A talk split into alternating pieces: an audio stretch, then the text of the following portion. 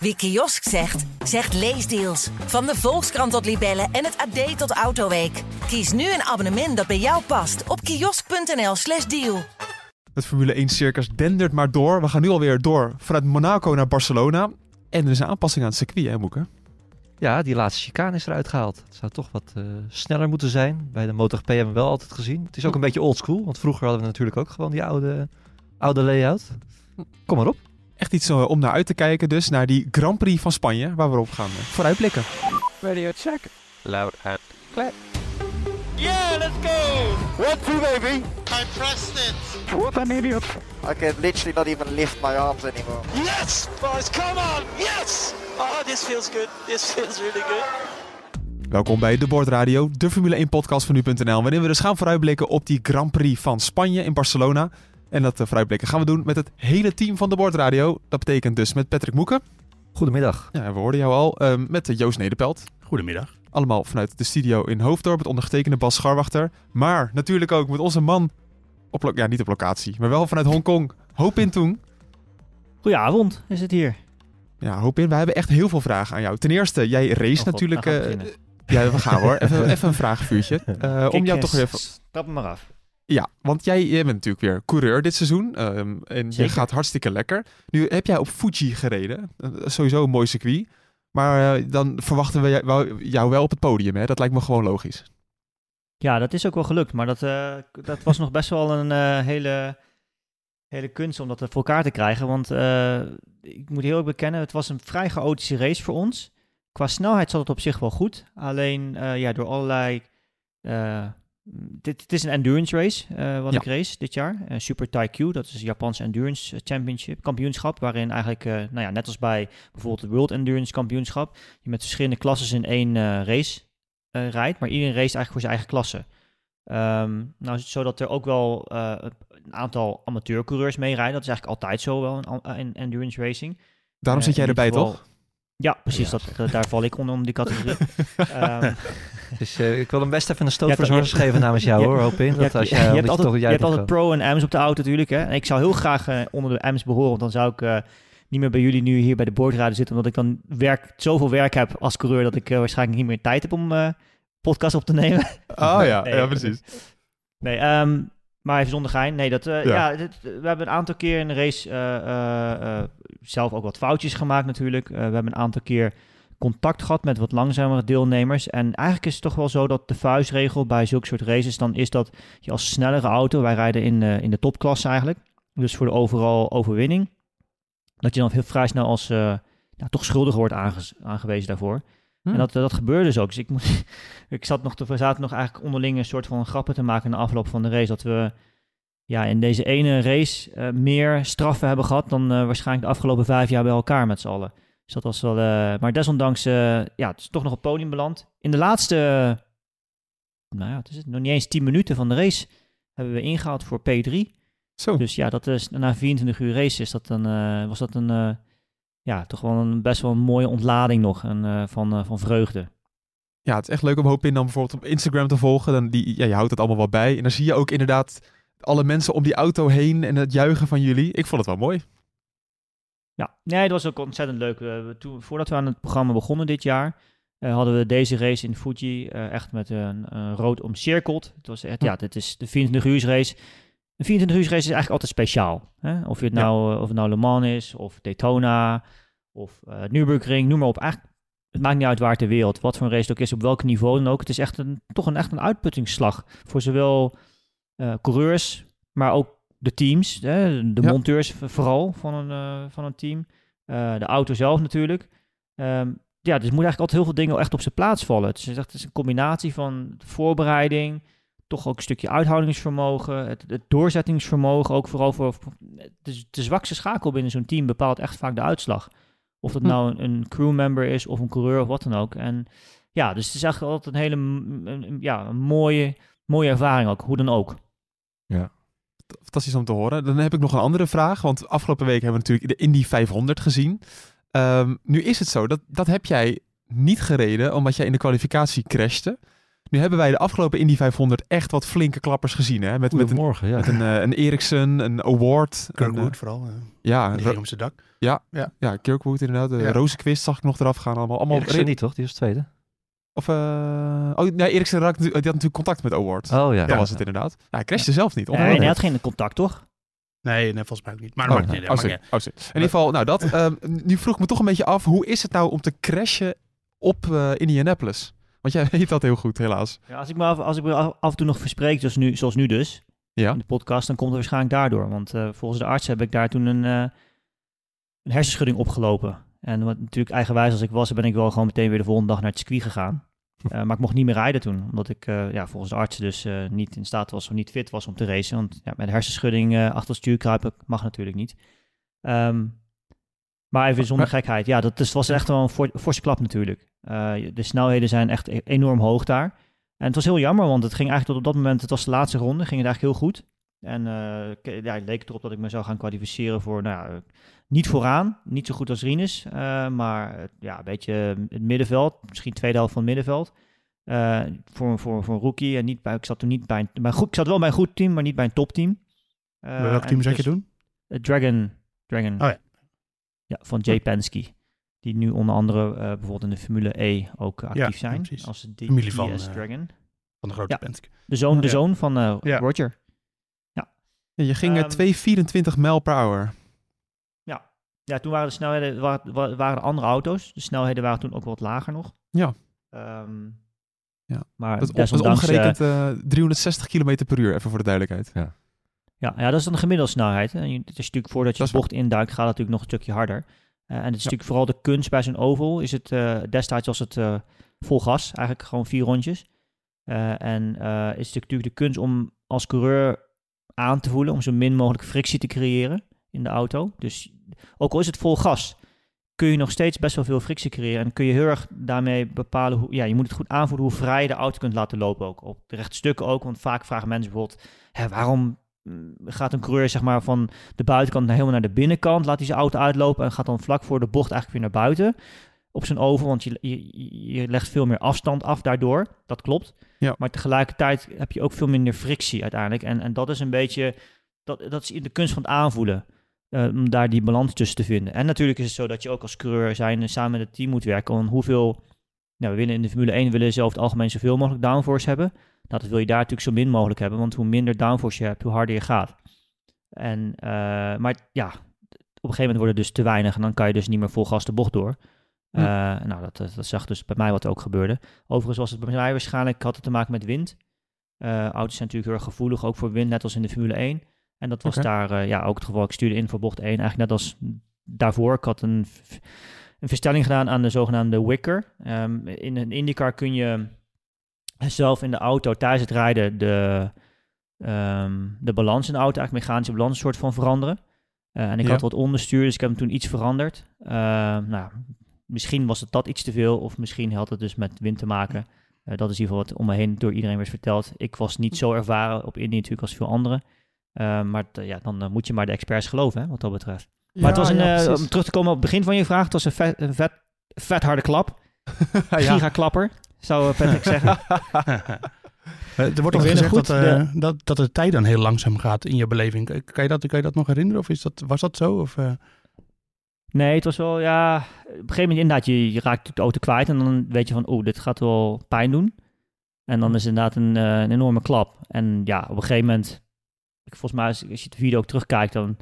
Ja, je, voordat je stilstaat, zit je al een beetje omheen te kijken van, nou, kan ik mijn gordel zo los doen en uh, kan ik de auto weer uitstappen nu? Ja. Dus uh, het, ja, wat dat betreft gaat het dan wel weer langzaam voor je gevoel. Maar ik weet nog wel goed dat um, het is natuurlijk nooit helemaal accuraat. Tegenwoordig reizen allemaal met een soort van sensoren in de. We hebben, iedere coureur heeft natuurlijk van die uh, oordoppen in. Met speakers voor de radio. Maar bij IndyCar en volgens mij ook in de Formule 1 tegenwoordig overigens zitten daar klopt, ja. sensoren in om G-krachten te meten, accelerometers. En uh, die had ik toevallig niet in op dat moment. Want die waren gemaakt voor mij, maar die waren niet goed. Die, deden, die zaten niet goed. Maar op de, dus ik kon niet meten hoeveel er echt daadwerkelijk op mijn nou, lichaam slash hoofd uh, qua G-krachten waren. Maar op de autosensor was het meer dan 100 G op de impact Jezus. gemeten. Kan dat is natuurlijk echt een hele fractie van een seconde. Maar goed, Dat eh, ja, zover sloeg de meter wel uit. Dus dat was wel eh, een vette klap. Ik kan me nog herinneren dat ehm, Ralf Schumacher toen in, eh, in die bocht 1, dat was natuurlijk tegenovergestelde richting. En die had toen volgens mij 70 G en die reed veel langzamer dan de Ja. 360 km per uur die op in eh, toen ongeveer, Ja. laten we zeggen, naar schatting. Dus dat, dat klopt wel. Uh, Open, Ja. Je hebt natuurlijk ook best wel veel coureurs die gewoon Indy niet doen, omdat ze er ja, een soort van bang voor zijn. Hè? Omdat, eh, ja, omdat je weet als je daar klapt, dan, eh, dan kan het best fout aflopen natuurlijk. Mhm. Heb, heb jij die angst nooit? Dat je ook niet misschien dat je daarna nog zoiets hebt van ja, dat eh, moet er toch wel een Zeker beetje gek niet. voor zijn, toch? Als je dat, Nee, eh, ja. dat doet. Toen, ja, toen zeker niet, maar ik moet eerlijk zeggen, als ik nu zou, als ik nu een aanbod zou krijgen om daar weer te gaan rijden en om ovals te doen, hmm, weet ik niet. Ik zou er wel twee keer over nadenken nu, denk ik. Ja. Alhoewel ik wel moet zeggen dat de sport ook wat dat betreft, en ook zeker daar, veel veiliger is geworden. Ik bedoel, als je ook bepaalde crashes ziet, eh, in, de, in de vrije training op Carp Day ging, gingen Catherine Leck en eh Stefan Wilson nog eraf met z'n tweeën. Ja. Raakte Stefan ja, heel ongelukkig eigenlijk geblesseerd aan zijn rug. Eh, maar het was, waren best wel een harde klap was het ook. En wat je heel vaak hebt met die auto's op zo'n oval, is dat ze heel snel opstijgen. Dat de wind Ja. eronder slaat dan en dan stijgen ze op en dan... Dat is hetgeen dat gevaarlijk is, want dan vlieg je die hekken in. Ja, zo'n hek is dan echt gewoon een soort van rasp, letterlijk. Ja. Die heel je auto uit elkaar trekt in één keer. Als je ook de grote crashes eigenlijk ziet op, op ovals, is dat eigenlijk Kenny- altijd het geval. Kenny Brack. ja, precies, Kenny Kenny, Brack. Brack inderdaad, ja. Oh, die moeten Ja, de manager van, eens, eh, op YouTube- kijken. Wat het, Ja. is zo'n bizarre crash dan. Niet normaal. Echt al Ja, dat 20 is jaar geleden eh, of zo. Niet normaal. Nee. Maar en die van eh, Scott echt- Dixon een paar jaar geleden was natuurlijk, dat, eh, dat was Die ook, kwam toen werd hij Echt met de zeg. En niet Oh. normaal dat hij daar gewoon uitstapte. En eh, die eh, mag meneer De Lara, ik reed jij toen ook in een De Lara eigenlijk? Of eh, was het een Ja. Swift? Of, ja, of, Ja, ja. De Lara. Ja, mag meneer eh, De Lara nog wel een bedankje sturen dat dat allemaal gewoon goed Ja. kwam. eh.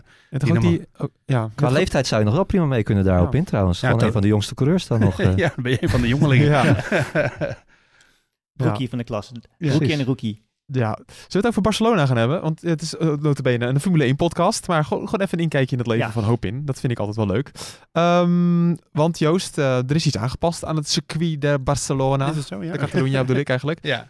De vervloekte chicane is eruit. Ja. Ja, wat, wat, wat komt daarvoor in de plaats? Voor de mensen die het niet weten. Eh, een bocht die er al lag. En die we Oh. vroeger, we, eh, ze vroeger ook gebruikten. Eh, eigenlijk waar je nu rechtsaf die chicane instuurt, dan rij je een paar meter door en dan een vloeiende bocht naar rechts. En die bocht naar links, dus met die hele hoge curbstones. en dus ook weer naar rechts om, het, om de laatste bocht in te gaan, die is verdwenen. Dus je gaat nu twee keer rechts. Komt het eigenlijk twee keer rechts. Dat is alles. Moeke, stel de baan die is zo, maar dan in 2016 had Verstappen dan eh, Kimi Räikkönen achter zich gelaten. Oeh, oeh. ja.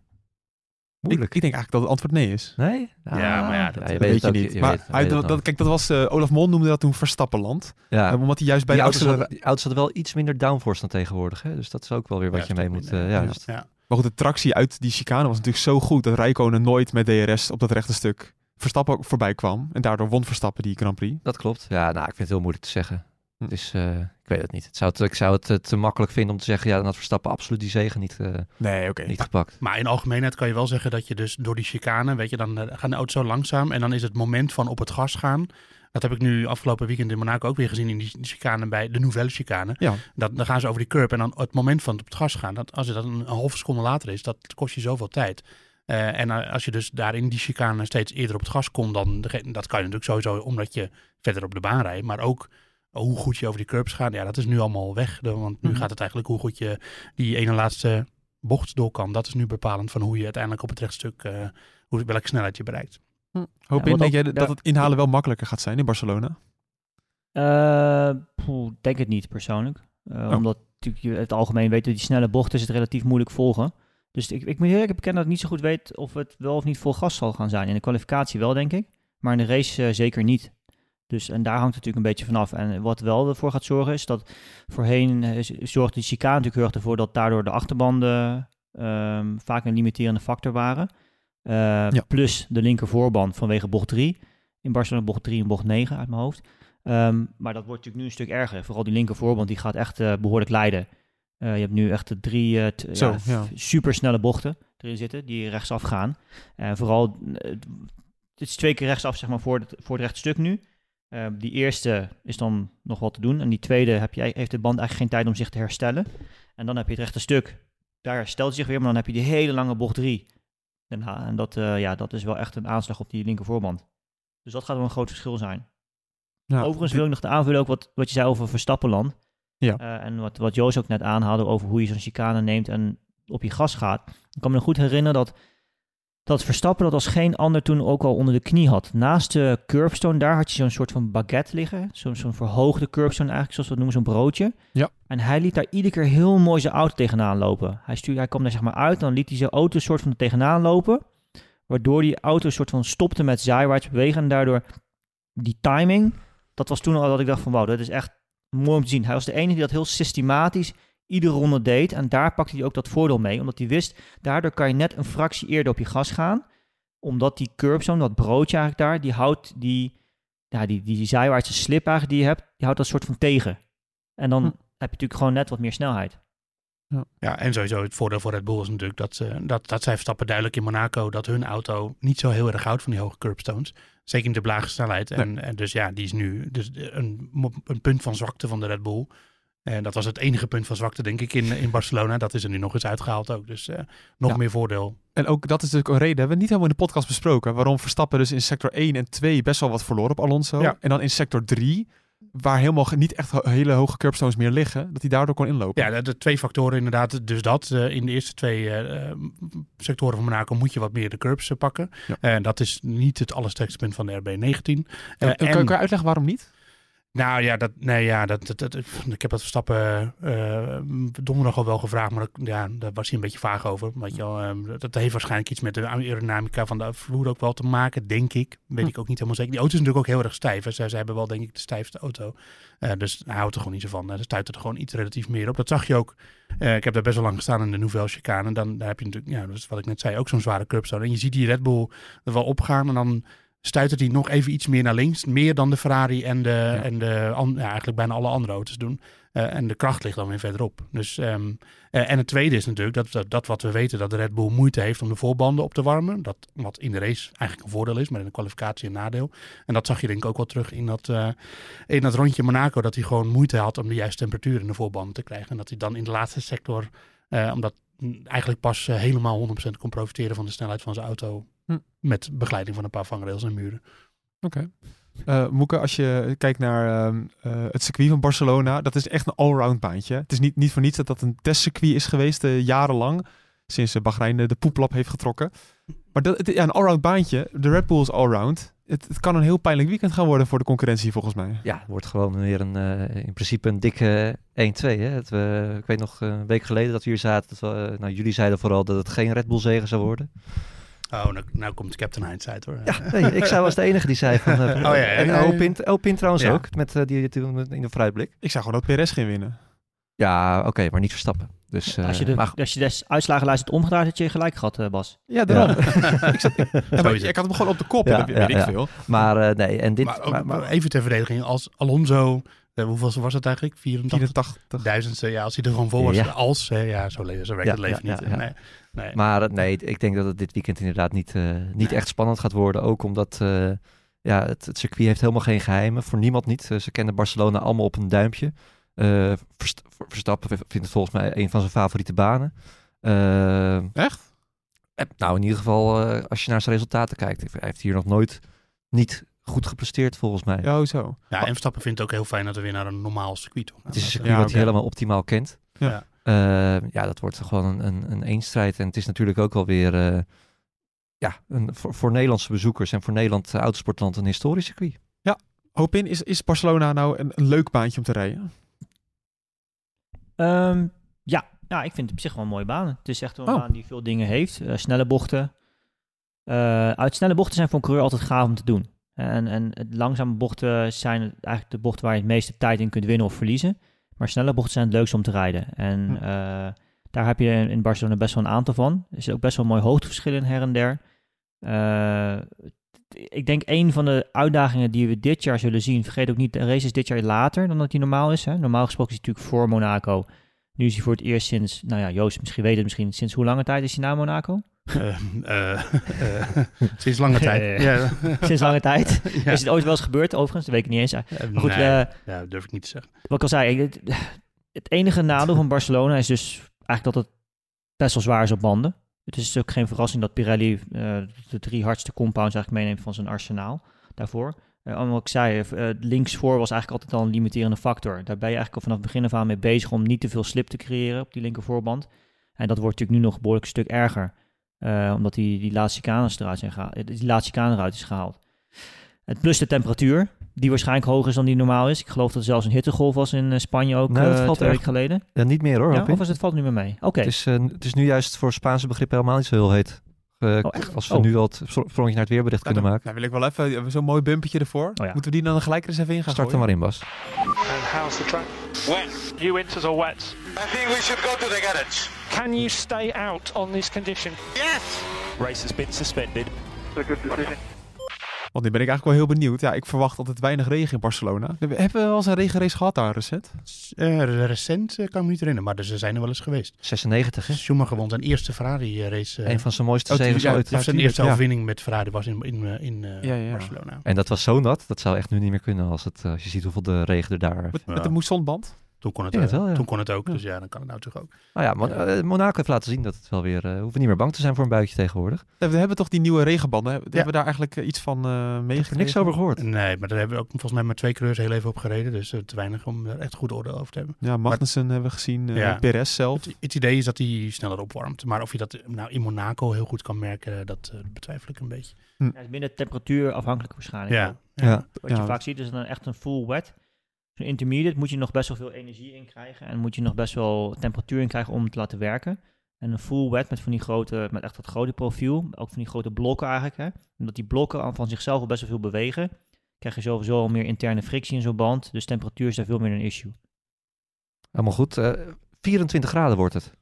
Dus Oh, dat valt-. Dat valt, dat valt wel mee, ja. Ideale temperatuur om in te werken, denk ik. eh. Dat was in Monaco eh, ook Ja. gewoon zo. Ja, het lijkt wel een beetje op het weer van Monaco, want vrijdag en zaterdag blijft het droog waarschijnlijk. Maar nu, het, we- ik weet dat het, we zitten ruim van tevoren, dinsdag nemen we dit op. Eh 70% kans op een bui zondagmiddag, volgens Weerplaza. Hoeveel? Wat? Sorry? 70% 70? kans op een bui zondagmiddag.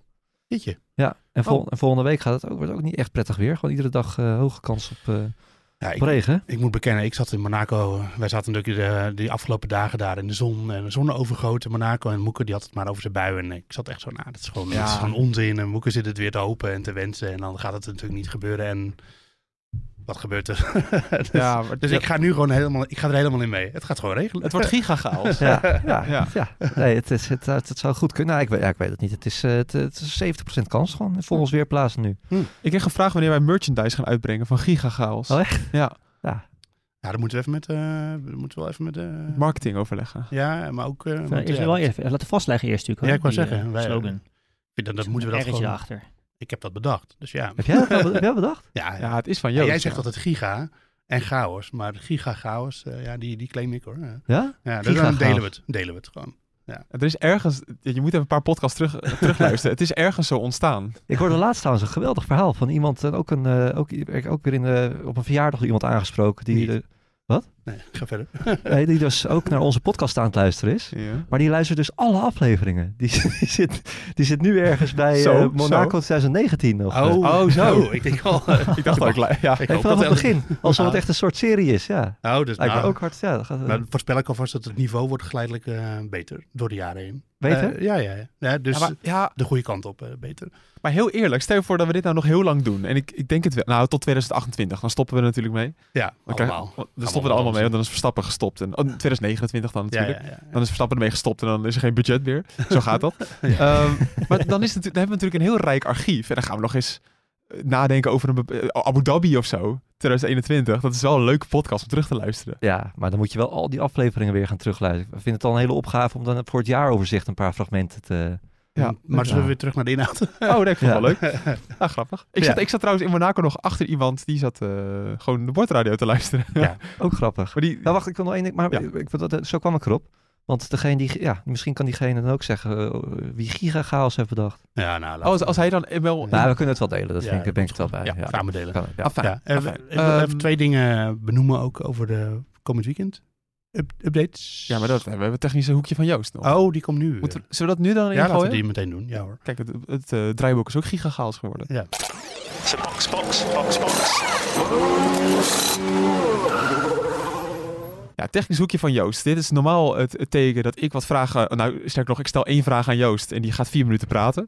Uh, nu geef ik uh, heel spannend, Moeke. Ik geef de regie uit handen. Mooi. Ik geef Joost het woord. Wij gaan achteroverleunen, even koffie halen. Uh, we zijn zo terug.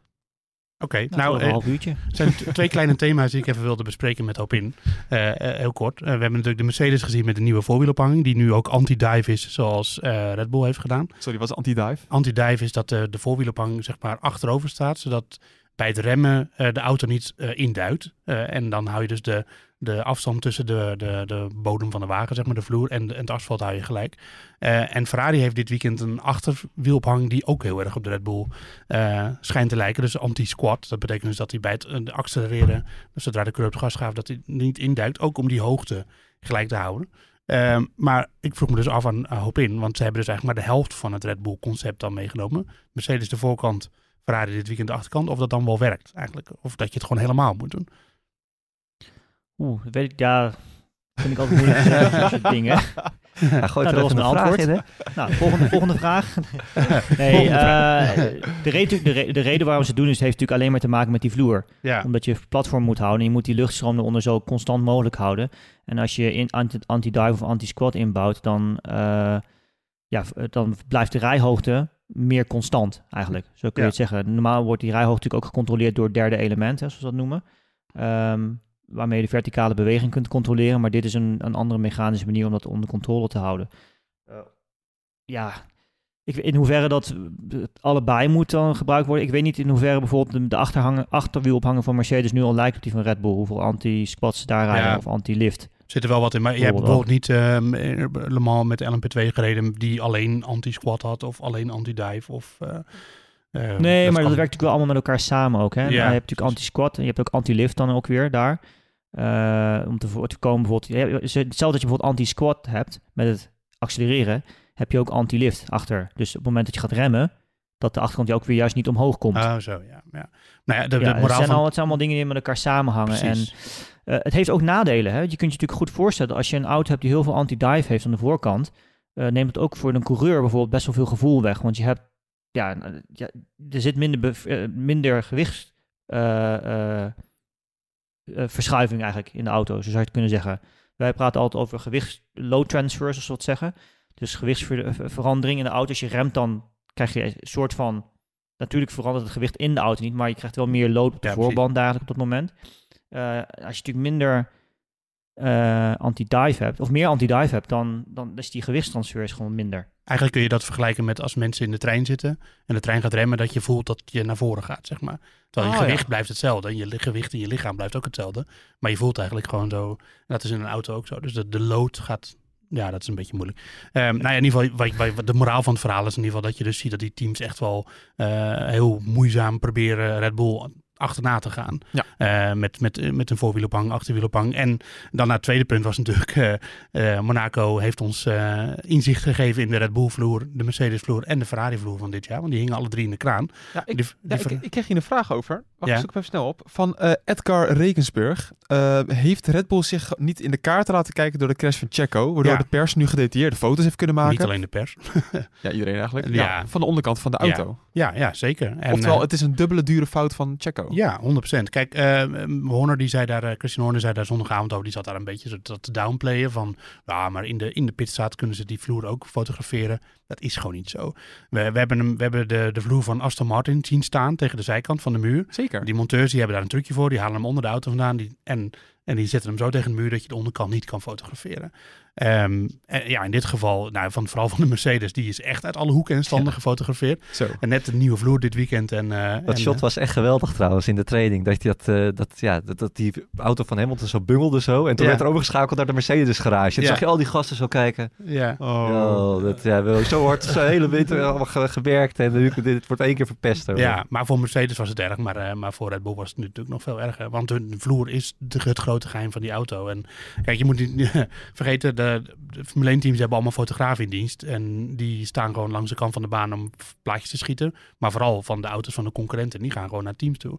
Dus we hebben foto's voorbij zien komen van de Red Bull in de kraan. Maar er zijn er nog veel meer gemaakt. En die zijn gewoon Gemaakt door fotografen die gewoon in dienst zijn van die teams. Ja, precies. En eh, die liggen nu, eh, die, die lagen zondagavond eh, of zaterdagavond lagen die overal al op de analysetafel om te kijken wat Red Bull doet. Ja, En- Eén één stukje conclusie is dat de, de, wat ik heb van het begrepen, ik heb een analyse gelezen, die van Ferrari zag er redelijk simpel uit. Ja. Die van eh, Mercedes was wat complex met allemaal mooie gleuven. Ja. En die van Red Bull was echt een soort 3D-vloer. Ja, ja. En, en dat schijnt echt, echt re- Ja. ja, bijna revolutionair te zijn. Kijk, je moet echt een specialist eh, zijn om, om go- goed te kunnen duiden wat er. En dat, eh, dat pad gaan we zeker niet bewandelen. Nee. Maar je- ook een ongetraind oog zag gewoon dat in die, in die Red Bull veel meer detail zit in die Red Bull vloer dan in. In zeker dan in die van de Ferrari, maar ook in die van de Mercedes. Ja. En dat zei Mercedes trouwens zelf ook, want dat had eh, Andrew Chauvelin van Mercedes had dat ook eh, geconcludeerd. Van eh, we hebben nog een hoop werk te doen als ik dit heb gezien. Ja, want om het beelden te maken, het is gewoon bij, bij Ferrari was echt een platte vloer met wat gleufjes natuurlijk, Ja. zoals de, de, de tunnelwerking moet werken. Ja. Bij Red Bull was echt, de stukken die vlak waren bij Ferrari bestonden allemaal uit nieuwe sleufjes en gaatjes en dingetjes. Ja, en dat is extreem moeilijk om in te halen. Kijk, en daarom is het lekker voor die andere teams eh, dat ze dus nu hebben gezien van het voorbeeld in ieder geval. Want eh, anders weet je niet waar je achteraan werkt. En eh, ja, Horner zat er dus down te playen, maar ah, bij Red Bull waren ze er echt niet blij mee hoor. En dat was eh duur foutje van Checo. En dat gebeurt dus ook alleen in Monaco, oh, dit soort dingen. Als je in Barcelona van de baan afschuift, dan hangt hij in zo'n klein kraantje. Dat is alles. Wel een mooie verantwoordelijkheid hè, voor een kraammachinist. Ja. Dat je dan die auto moet, je moet niet even een klein foutje naar links maken, dat hij zo het, een flatgebouw in knalt. ja. Toch? Ja. Ja, ja, dat, Wel een verhaal. ja. Dat- Ja, die gaan- vooral in Monaco, die, die Marshals, joh, die zijn zo goed. Ja. Die, eh, Ja, Ook, wat ik ook voor het eerst zag, zo'n mooie trolley. Heb je dat gezien? Er was ook een, ik weet niet meer wie het was. Er was ook een auto stilgevallen. Ook in de Dat is al jaren. Oh ja, dan gooi je dus een trolley eronder. ja, maar binnen, binnen 30 sec- daardoor kwam er geen rode vlag, maar een virtual safety car in de, in de Ja, ze al- training. Die hebben ze al heel lang. Ja, schitterend. Ja. Ze tillen zo met z'n zessen die auto op, zetten hem erop en binnen 20 seconden was die auto weg. Ja, maar Ja. als je ziet in Monaco hoe het kan, Ja. dan snap je niet het gepruts in, met, met, vooral in Nee, het Midden-Oosten. Deze, ja, en in Baku en zo. Als, Ja. je, die, als je die marshals daar ziet, eh, ziet, ziet werken, ja, dat staat natuurlijk helemaal nergens op. Sowieso vind ik het trouwens nog steeds een beetje eh, niet van deze tijd. Dat de marshals gewoon eh, nog steeds de meeste daarvan vrijwilligers zijn. Gewoon van de Die- brandweer ook vaak. Ja, hè? ook, dat zagen we ook bij die crash van Grosjean. Dat, eh, ja, je moet maar net geluk hebben dat er wel een professioneel, eh, professional staat. Ja, maar er was één gast die rende, dus bij die crash van Grosjean in, in Bahrein, die rende maar gewoon de baan op. Want die, ja, die zag vuur, die dacht, ik ga het blussen. Ja. Maar ja, je hebt ook marshals die gewoon heel erg van de lijntje, van de Nee, is regels zijn. hartstikke, hartstikke belangrijk, die marshals. Die, eh, en de Formule 1 die vliegen allemaal cameramensen vliegen ze in. Ik, ja, zorg gewoon dat je de beste marshals ter wereld overal heen, eh, heen krijgt en betaal ze goed. Ja, volgens mij. IndyCar heeft dat wel. Die hebben Ja, een zeker. Matro, En- ik weet niet of dat nog zo heet, maar Ja. die hebben echt een vast team. Gewoon. Ja. Maar goed.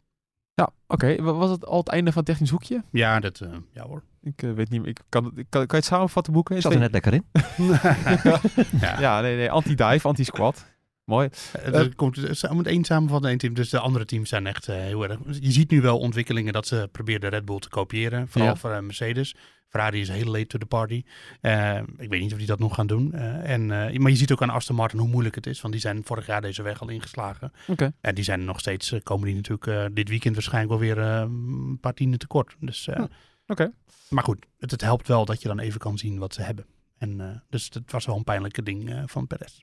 We gaan eens kijken naar eh, een, van mijn favoriete rubriekjes uit deze vooruitblik. Het feitje van de week. Want ik ben weer heel benieuwd wat, eh wat Moeke uit onze statistiekenbureaus heeft gehaald. Want wij krijgen altijd eh, feitjes aangeleverd. Maar dan moet je wel altijd een selectie maken. Ja, ik heb er eigenlijk weer twee. Het komt allemaal neer op de dominantie van, eh, van Red Bull. Nee, maar het is het feitje van de week. Ja. We moeten ja, het maar gewoon- ze lopen, ze- je kan ze met elkaar een beetje weer synchroon, eh, dat het in nee, elkaar geintje. Nee, zoveel, zoveel als mogelijk. Ja. Was dit het geintje van de week? Nou, nou, nou. Eh, Re- Red Bull kan dit weekend pas het tweede team worden dat de eerste zeven races van het, van het seizoen gaat winnen. Oh, Deze eeuw. Er was één team deze eeuw die dat eerder voor elkaar Ja, kreeg. Mercedes natuurlijk. Ja, dat klopt. Weet je ook nog welk jaar? Eh, 15? Nee. 14. Nee. 16. 13. Ja, nu kun je alles gaan opnoemen. Nee, ja, weet ik veel. ik heb het nog steeds niet gehoord. 13, 16, 17. Nee, Nee. 17. ah. 12. Nee, dat kan al niet. We hebben nu echt alles opgenomen. Oh, ik weet het. 20. 2020, ja. Nee, ook niet. Oh, 19. Ja, de enige die nog niet gezegd was. ja, ja. Maar om, om het nog Nee, maar... maar wij, wij noemden wel een beetje de logische jaren op. Ja, ik vind 19, want toen was Ferrari en, en Red Bull waren even nog best wel sterk. Ja. Ja. Dat was toch het goede Ferrari-jaar ook? 2019. Mm, dat hangt er vanaf eh, of je meerekent eh, wat Maar ze dat, was met toch, de motor deden. dat was toch gewoon het jaar dat Vettel uiteindelijk crashte in Hockenheim? Of was het 18? dat was 18. Ah, oké. Sorry. Ja, fijn. Nou, en om nog maar de dominantie van Red Bull echt eh, aan te geven. Er zijn dit jaar 351 rondes verreden in, het, in de Formule 1. Ja. Hoeveel rondes heeft Red Bull daarvan aan de leiding gereden, denken jullie? 349. Ehm, ja, bijna allemaal, denk ik. Ja, OP nog een suggestie? Ehm, Nou, ja. ja, ik, ja. ja, nou dat, ja, nee. Het, Ik denk, ja, inderdaad bijna alles, toch? ja, het, het, ze hebben 16 rondes niet aan de leiding gereden dit jaar. 16. Oh, dus dat is alleen met de pitstops een paar keer. Het, eh, Ja, dat nee, is- dat is- heeft natuurlijk ook niet altijd aan, aan de... Op pol gestaan natuurlijk. eh. ja, Leclerc begon ook wel eens op Leclerc pol, op ja, in, in Baku. ja. Maar die werd heel snel in. ja, dat klopt. Ja, Was, was dat niet al, eh, dat was al binnen vijf rondes. ja oké. nou ja, 16 rondes heeft Red Bull niet aan de leiding gereden. Ja. Bizar veel natuurlijk. Ja. Ja. Ja. nou dan zullen we toch eens kijken wat, wat we dan... eh, want als we het toch even over de verhoudingen hebben. Red Bull 1 en 2, Ja. die kunnen invullen, toch? Ja. Ja, we, we hebben de verschillen gezien, hè. Van, eh, dat heb ik ergens genoteerd. Ik dacht, ik koop even snel tijd. Maar dat gaat me niet meer lukken. Nee, jammer. Ik zocht even een, een feitje. Kan niet vinden, jongens. Jammer. Ehm, over hoeveel de, verschillen tussen Red Bull en het eerste team daarna. Dat dat heel groot is. Dat dat steeds een beetje 20, 25 seconden was. Oh ja, en dat het alleen maar groter wordt ook. Ja, het wordt alleen maar groter en Ja. groter eigenlijk. Nu was het nu wel een beetje vertekend natuurlijk in Monaco door die stop van, eh, van Alonso. Anders had hij er echt wel dichterbij gezeten. Maar eh, ja, in Monaco was natuurlijk ook een apart circuit. Dus het is, eh, ja, ik ben benieuwd. Ook, het wordt ook interessant om te zien of Mercedes nou met die updates nog wat gewonnen heeft. Dat kunnen we dit weekend pas, pas gaan oordelen, denk ik. Ja, ehm, kijk, gemiddeld is het ongeveer 20 seconden geweest. Het verschil tussen dus de eerste Red Bull en het volgende team. Ja, hoop in. Denk jij dat dit misschien wel richting de minuut kan gaan? Dat het zo erg kan gaan worden?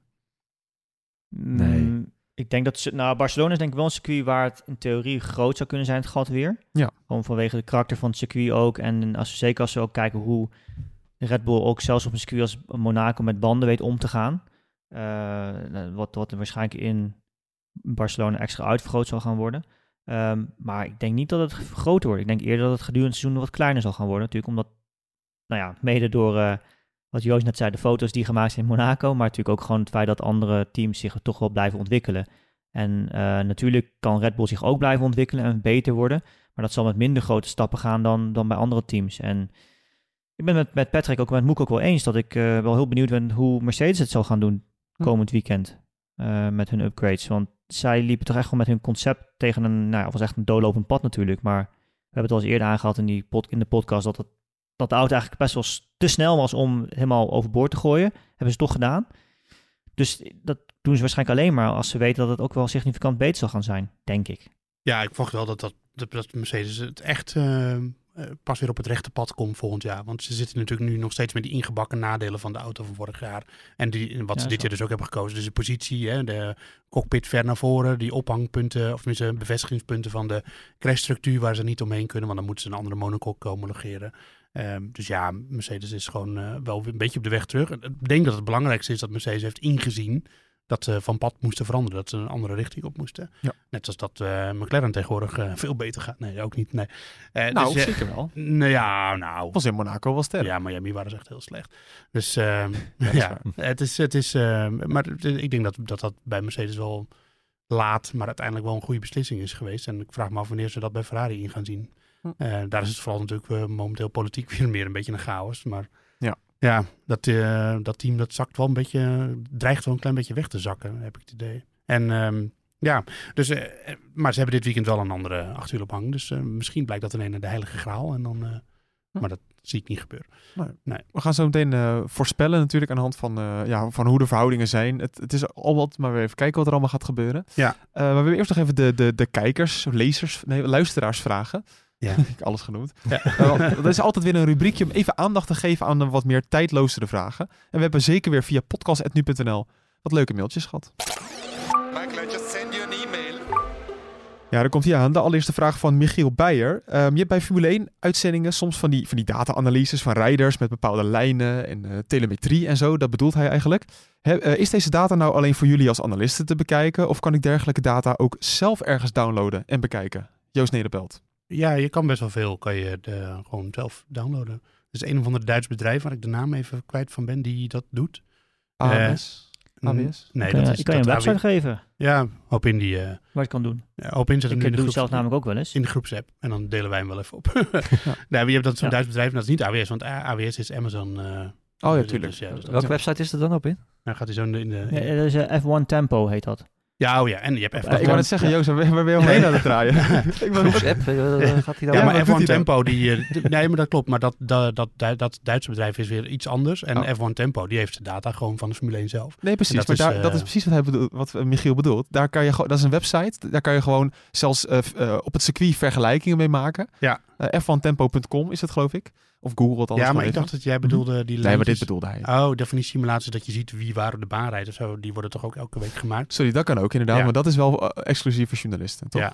Nou, weet ik niet. Daar Ja. moet je voor betalen Dat, waarschijnlijk. krijgen we ook allemaal, dat krijgen ze bij Viaplay ook vaak aangeleverd. Dat kunnen we zelf ook niet eh, Nee. editen of zo. Dat, dat zijn, kan, dat zijn we afhankelijk van FOM, wat, wat er aangeleverd wordt ook vaak. Nou, in ieder Dus daarom is het ook soms dat je ook bij verschillende zenders dingen ziet die erg op elkaar lijken. Omdat nou ja, de, de, de, de mate waarin je het zelf kunt aanpassen beperkt is. Dan de man die altijd eh, zijn moment pakt. Dat is Nick Gremme. Maar hij heeft altijd wel serieuze vragen. Eh, deze is, is op zich wel geinig. Eh, Moeke, misschien voor jou. Waarom zit Toto Wolf altijd in de garage tussen de monteurs... en zit de rest van de teambazen aan de pitmuur? Ja, dat is een goede vraag. Ja, echt, ja. Dat, eh, volgens mij, dat kan je gewoon zelf bepalen als, eh, als, als, als teambaas. Ik weet nog dat, eh, hoe heet die maffiabaas van Ferrari ook alweer? Die deed dat op een gegeven moment ook. Die, eh, die grijze. Ja, Arie Hybridatoren. Verbenen. Ah, Arie Verbenen, ja. Die Ja. wilde zich ook Oh. meer onder het, eh, eh, onder het personeel eh, scharen. Eh, ja, weet ik eigenlijk niet waarom dat... eh, Nou ja, uiteindelijk eh, hoeft het niet per se dat hij aan de pitmuur zit. Sterker nog, de, zelfs de pitmuur hoeft niet per se aan de pitmuur te zitten. Want dat, hebben we, dat zien we aan Haas. Die hebben nu een heel klein pitmuurtje. ja. En eh, dus ja, het, het is, voor, de, voor het pitbord is het nog belangrijk. En ik denk dat je vanuit de pitstraat een iets beter zicht hebt wat andere teams doen. Of die buiten staan of dat soort dingen. Dus, maar ja, daar hoeft de teambaas niet per se te zitten. En eh, de teambaas moet natuurlijk af en toe ingrijpen als er eh, een positie gewisseld moet worden tussen coureurs. Dat soort dingen. Dan kan er misschien een klap op gegeven worden. Maar kijk, eh, Red Bull heeft Johnson Wheatley aan de pitmuur zitten bijvoorbeeld. Die neemt de meeste beslissingen. Die praat het meest met de engineers. En er zit natuurlijk ook een, een hele club thuis nog op de fabriek die zich ermee bemoeit. Dus ja, de- nou, hij hoeft daar niet per se te zitten. En uh, Nee. Toto Wolff kiest ervoor om in de, in de pitbox te zitten. En daar heeft hij ook alle informatie voor handen. Hm. Sowieso staan er volgens mij bij Mercedes relatief meer mensen in de pitbox dan bij andere teams. Je hebt ook een iets kleiner pitmuurtje volgens mij. Engineers ook toch bij Mercedes? Ja, die staan ook, in de eh, pitbox. Ja, volgens mij is dat Bono en eh, die andere, Oh ja. die Ja. Italiaan, weet je ook weer, die eh, Ja. Russell doet. Die staan eh, altijd in de, in, in de pitbox. Ja. Dus, Dat heb je soms ook met eh Giampiero Lambiase, toch? Dat, bij de vrije trainingen staat hij ook vaak in de, Ja, in de, ja, in de ja. pits. En dan eh, d- bij de race aan de muur. ja, en Horner kijkt de start altijd in de pitbox en daarna loopt hij naar de pitmuur. Ja, dat is alleen maar voor de camera. Ja, dat is gewoon om in beeld te Dan komen. gaat hij zo staan met zijn handen over elkaar voor Ja. zijn monteurs. Ja. Ja. Toto zie je niet, niet meer zo vaak. Ja, is ook iets Tot minder relevant natuurlijk. Ja. Nu ik Wat, erover wat minder, ja. Ja. ja. Ja. ja. Hij was er wel hoor, afgelopen weekend. Ja. Hij reed me nog bijna de nee, maar ik bedoel op tv tijdens de race. Hm? Tijdens de race komt hij niet meer zo vaak in beeld als vroeger. Nee, met zijn coureurs ook. Nee, klopt. ja. No, Mikey. Eh, dan nog een vraag, die heb ik eigenlijk helemaal, helemaal gemist. Ik had hem wel opgeschreven. Eh, Simon, die vraagt zich af, nu de onderkant van de RB19 duizend keer gefotografeerd is, we hadden het er juist al over, eh, hoe lang, eh, hoop in, gaat het nou duren voordat deze gekopieerd is door een team? En kan dat zomaar? Eh, nou, er zal zeker inspiratie uitgehaald worden. Maar we hebben het al eens eerder aangehaald, ook echt 100% een auto kopiëren is eigenlijk niet te doen. En eh, ook al heb je hele goede detailfoto's, omdat het natuurlijk ook moet samenwerken met de rest van de auto. Ik bedoel, je kan de vloer wel op een bepaalde manier maken, maar in hoeverre kun je dan ook de luchtgeleiding naar die vloer toe eh, in dezelfde mate zo weten te eh, kunnen krijgen. En, en, en ook hoe dan aan de achterkant van de auto. Er zijn heel veel details natuurlijk aan zo'n auto die Joosje zei het net ook al. eh, een team als eh, Aston Martin heeft natuurlijk ook getracht om eh, veel inspiratie uit Red Bull te halen. Die lijkt er heel erg veel op, maar uiteindelijk draait het in Formule 1 altijd om details. En vaak zijn details niet te zien. Die zijn dus nu wel zichtbaar geworden door die foto's. Ehm, maar dan nog steeds, het is soms echt, je praat over een paar millimeter, een paar centimeter verschil van bepaalde details. kan al natuurlijk een enorm verschil maken, omdat je daarmee bepaalde luchtstroom wel of niet kan laten werken. Ja. Dus dat, maar dat er inspiratie uitgehaald zal gaan worden, dat, is, eh, dat, dat, ja, dat staat natuurlijk buiten discussie. Ja, het gaat altijd om ideeën. Dus alle teams, zelfs Red Bull, wil ook foto's zien als er, eh, eh, van de haas van de vloer. Want soms hebben net, die net een of ander ideetje waar jij niet op gekomen bent. Hm. Het gaat uiteindelijk om ja, wat inspiratie. Dus niet letterlijk kopiëren, maar gewoon op ideeën komen. Oké, Tot slot, eh, Ronald Landman vraagt zich af. Tijdens de kwalificatie van Monaco bereikte McLaren-coureur Norris de Q3-sessie en zijn teamgenoot Piastri niet. Norris had wel schade aan zijn auto opgelopen in Q2. Zijn vraag is eigenlijk, was het een, is het een optie dat Norris de Q3-sessie dan rijdt in de onbeschadigde auto van Piastri? Nee. Vroeger mocht dat wel. Ja. Met de, had je zelfs de T-car. Ja, daarom. Ja. Ja, nee, nu mag dat niet meer. Nee, helemaal niet, hè? Nee. Uh, Puur alleen al omdat het motorreglement zit. En dan moet Piastri, die heeft zijn eigen motorpool. En dus dan zou je ook de hele motor om moeten bouwen. Zo. Ja. Dat, dat, De nee. T-car was wel geweldig. Ook dat, eh, Ja. Ja, met, ook met, met eh, Spa 98 tijdens die crash. Toen waren ook de, iedereen zag je dan snel naar de pits rennen om maar als eerste bij die T-car te zijn. Hè? Ja. Ja. En dan stond hij altijd afgesteld op zijn team. Ja, ja, precies. Ja, het kwam nooit goed uit. Nee, maar eh, kijk, het kan wel zo zijn dat bijvoorbeeld, dat, dat hoeft niet zo te zijn, maar het kan wel zo zijn dat bijvoorbeeld Perez nu rijdt in de auto waar Verstappen in Abu Dhabi of in Jeddah mee reed. Dat zou theoretisch kunnen, want je, het chassis is niet coureursgebonden. Ehm, alleen eh, de motoren natuurlijk wel en de versnellingsbakken wel. Dus Maar Jeddah, is- je, je geeft een voorbeeld van het vorige seizoen. Nee, Nee. we zijn al in Jeddah geweest. Of, eh, oh, sorry, ja. Wat zeg ik nou? Zeg? ja, ik zei daarvoor oorspronkelijk Abu Dhabi. Misschien Oh, daarop- misschien, sorry, ja, ja. ja. nee, in ieder geval, dus dat zou het Sorry, theoretisch kunnen. ja. Dus ze maken misschien drie, vier chassis per seizoen. En Ja. dat kan roleren tussen coureurs. Hoewel coureurs volgens mij kan hoop in beter bouwen beoordelen. Wel, Als ze een chassis goed voelt, dan gaan ze die niet zomaar afstaan aan een coureur. Maar Mhm. dat kan wel. En eh, dus je kan gewoon met onderdelen van je, van je teamgenoot rijden. Behalve de poolgebonden onderdelen. Ja, is dat Dat zo is raar, want die- over het algemeen zijn, nou, over het algemeen zijn die chassis natuurlijk het zijn identiek. Ja. Want die worden allemaal op dezelfde manier gemaakt, maar die wordt natuurlijk ook op een bepaalde manier gefabriceerd. Dat is toch ook wel handwerk en dergelijke. Dus er zitten ook wel verschillen in. Ik bedoel, er is ook logisch, er zit gewichtsverschil in. Dus als er gewichtsverschil in zit, betekent dat ook dat er in structuur of in vorm ook misschien wel verschillen in zitten. En eh, dus het is niet zo dat de een eigenlijk altijd hetzelfde is dan de ander. En dat is ook vaak die we bij teams waarin je dus twee auto's runt, waar je vaak discussie hebt. Omdat dan eh, engineers toch heel snel van ja, maar op de andere auto werkt het ook. Dus we zetten het ook bij jou erop. En dan zeg je ja, maar ik heb onwijs veel overstuur. Hoe kan dat nou? Hm. Ja, dat, dat kan daarmee te maken hebben. En niet natuurlijk alleen chassis, maar ook gewoon fabricage van andere onderdelen. Nou is dat in de Formule 1 natuurlijk denk ik een stuk minder dan in andere klasses. Eh, gewoon puur vanwege de precisie en nou, de technologie die daarin gebruikt wordt, ook in het fabricageproces. Maar dat er verschil in zit, eh, ja, ik zei, is logisch. Bedoel, het is een reden waarom er gewichtsverschil in zit tussen ook verschillende onderdelen. Ja, als ze er vier maken, dan, dan stel ze maken er vier per seizoen. Dan zou je als Tim geen knip voor de neus waard zijn als je niet tussen die vier verschillende alweer dingen beter maakt. Ja. Maar, en we zagen bijvoorbeeld op, op Indy eh, eh, Graham Rahal, die haalde de kwalificatie natuurlijk uiteindelijk niet. Uiteindelijk deed hij wel mee. Maar, en toen zei hij, ja, mijn, mijn teamgenoot heeft exact dezelfde auto. We hebben hem exact hetzelfde afgesteld. De motor, alles staat hetzel- hetzelfde. En zij gaat drie kilometer per uur harder dan ik. Eh, dus dat kan dan toch een klein verschilletje zijn binnen een, binnen een auto. Zegt Perez ook elke week. ja, het lag aan de auto. Nou, je hoort wel soms wel eens Nee, eh, coureurs zeggen van ja, ik heb het gevoel dat er, dat hoor je in het verleden wel vaak tegenwoordig hoor je dat niet zo vaak. maar Ik heb het gevoel dat iets niet goed is. Ja. En dan gaat zo'n team helemaal die, die monocoque eh, bekijken. En dan blijkt toch ergens een of ander scheurtje te zitten of zo. Hm. Soms is dat misschien ook wel mentaal dat je gewoon een coureur dan een nieuwe monocoque Mhm. geeft en dan gaat hij opeens harder. Maar dat kan ook gewoon letterlijk zo zijn. Voordat we gaan voorspellen, eh, nog heel even Moeke. Nick de Vries, die hebben natuurlijk een, ehm, een redelijk vlekkeloos weekend zien rijden in Monaco. Kleurloos, maar wel vlekkeloos. Dat was misschien wel even het belangrijkste. Solide. Ja, dan is Barcelona ehm, ehm, wel even lekker ook, hè? Tuurlijk, ja. Nee, dit is eh, het circuit wat hij echt op zijn duimpje kent. En als we ergens een goed resultaat van hem mogen verwachten, is dat misschien hier wel. Aan de andere kant, ja, dat geldt natuurlijk niet alleen voor hem. Dat zijn de meeste andere coureurs. Maar eh, ja, daar had ik het ook met Hopin over in de... Ik weet niet of het de terugblik of de vooruitblik was. Maar het, ja, het is voor een coureur echt wel heel belangrijk of je een circuit kent of niet. Hè? Of je daar wel eens op gereden hebt. Dat kan Hopin misschien beter uitleggen. Ja, nee, ja, absoluut waar. Dat was in de vooruitblik voor, eh, voor Monaco. Oh ja. dat, je, Hm. dat we natuurlijk nu een periode aankomen voor Nick, dat hij alle circuits goed kent, dat hij daar veel gereden heeft. Niet alleen in Formule 2, maar ook in andere klasses natuurlijk, in de junior series. Eh, dat heeft gewoon echt een voordeel. Eh, natuurlijk kun je oneindig oefenen op een simulator. Dat zullen ze ook zeker doen. Maar als je op zo'n circuit aankomt en je hebt daar in het verleden een keer gereden of geraced, dan is het echt meteen vanaf de eerste ronde dat gevoel heb je, is net, net iets anders. En nogmaals, het draait natuurlijk echt om minieme verschillen. En uiteindelijk kunnen de coureurs, of ze dan wel of niet geweest zijn eerder, denk ik altijd wel dezelfde rondetijd produceren.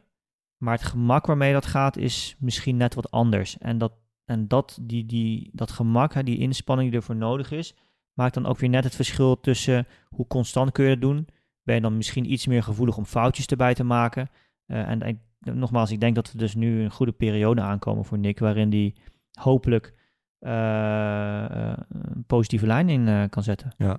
Dus ook- Alfa Tauri had natuurlijk een, update, een grote update mee naar, eh, naar, Monaco. En daar gaan we nu ook pas die, eh, eigenlijk van zien wat hij wat hij doet. Oké. Dus eh, ja, Het is ook alweer de zevende race van het seizoen, hè? Stiekem. Dus de openingsfase hebben we Ja. het ook een beetje achter ons eh, gelaten. Eh, een derde van het seizoen zit er, zit er na zondag al op. Ja, ja, zo goed is wel, ja.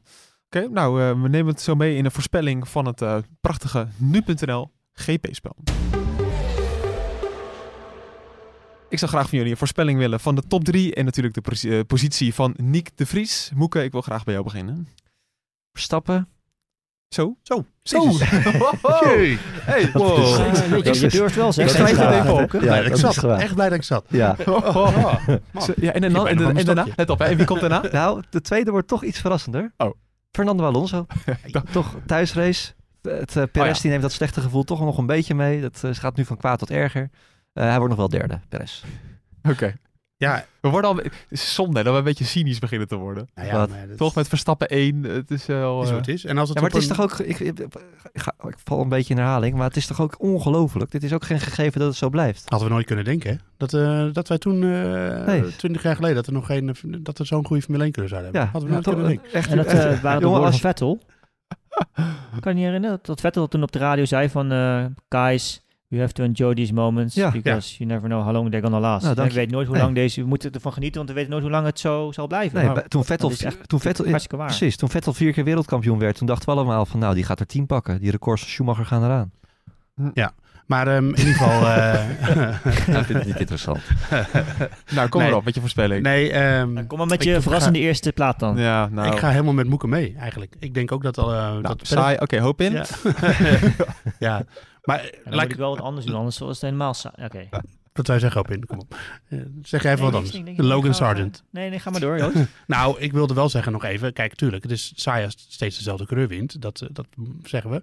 Eh, gewoon hardop natuurlijk, dat is gewoon zo. Maar als het op een manier gaat zoals afgelopen zondag, of dit week, afgelopen weekend. Oh ja. Weet je, we hebben toch afgelopen weekend gewoon genoten van Verstappen. Nee, 100%. En, en daar werd ik ook nog op aangesproken door een uh, twitteraar terecht. En die zei ook wel van ja, eh, zo zie je maar dat die overwinningen van Hamilton, die ook in een dominante auto rijdt zoals Verstappen dat nu ook doet, dat dat evengoed mooie overwinningen kunnen zijn. Weet je? Omdat dat dan een coureur is die minder gevierd is in Nederland, laat ik het even subtiel zeggen. Dat betekent niet dat het geen kwaliteitsoverwinningen zijn. En dat was dit van Verstappen. En dat kan komend weekend weer gebeuren. Oké, hoop in. Wat is jouw voorspelling? En eh, sorry, Nick, wat is Nick de Vries? Die wil ik wel. Oh, ja, het P10. P10. Het puntje gaat gebeuren hier op het eh, bekende... Mooi, wel mooi. Ja, ja, ja.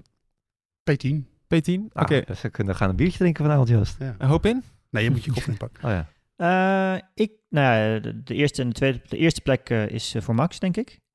Dat is geen verrassing waarschijnlijk. De Mhm. tweede plek denk ik toch voor Perez. En de derde, mm, ik denk met die aanpassing in het circuit nu. En Ja. wetende hoe goed Mercedes met banden kan omgaan. En ik dan hoop ik, of dan hoop ik niet, maar dan zal ik het misschien toch op gokken dat die update van hen goed werkt. Misschien George Russell op drie, als Mooi. verrassing. Ik leuk. Want ik denk dat eh, Barcelona, ja, we hebben, eh, Barcelona gaat hard zijn op banden. En daar is Mercedes goed in. Ja, Ferrari buiten de top 10. Daarom moet- komt Nick er ook in. Top 10? Buiten de top Oh ja, 10. Ja, het wordt een drama weekend. Buiten top Ja? 10? Het wordt een drama weekend. Ze hebben een update. Ze weten totaal niet of ze die auto moeten afstellen. De, het eh, Porpoising. downhill, downhill. Allebei buiten de top 10. Ja.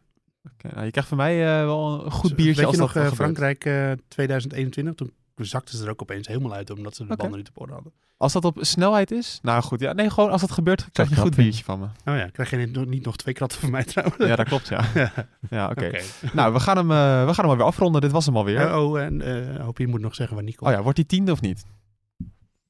Nou, dan ga ik, daar ga ik wel mee dan. Eén Ah, punt. Oké. Oké. Zou mooi zijn. Maar wat denk jij? Ja, als nummer 30 van het uh, nu.nl GP-spel. Ik wou zeggen, jij, eh, jij, bent- jij bent degene naar wie je moet luisteren. U werd toch, mijn vader die sprak jullie er nog op aan. Die vond het belachelijk dat, het, dat jullie er zo laconiek mee omgingen. Dat het een goede prestatie is.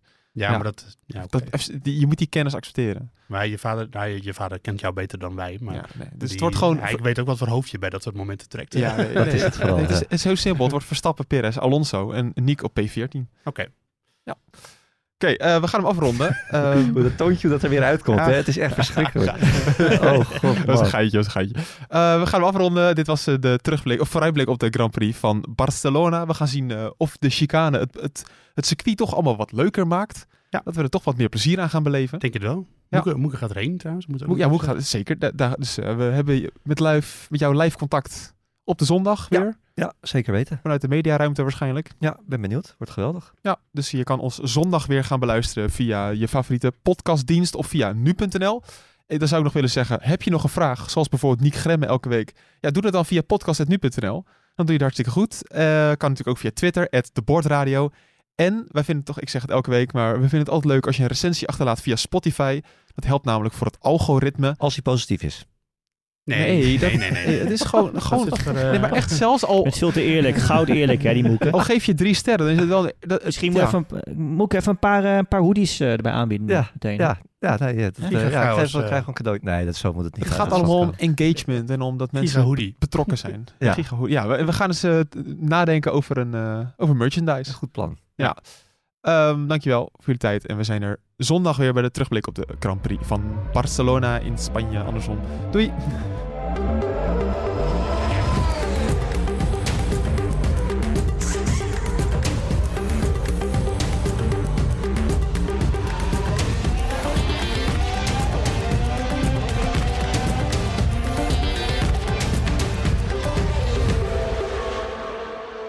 Worden we toch nog rijk dan met die hoodies? Ja, gaat Ja. En mogen we dat geld wel zelf houden dan? Ja, dan gaan we. Ja, hoe zit dat anders doen- Anders doen we het gewoon niet.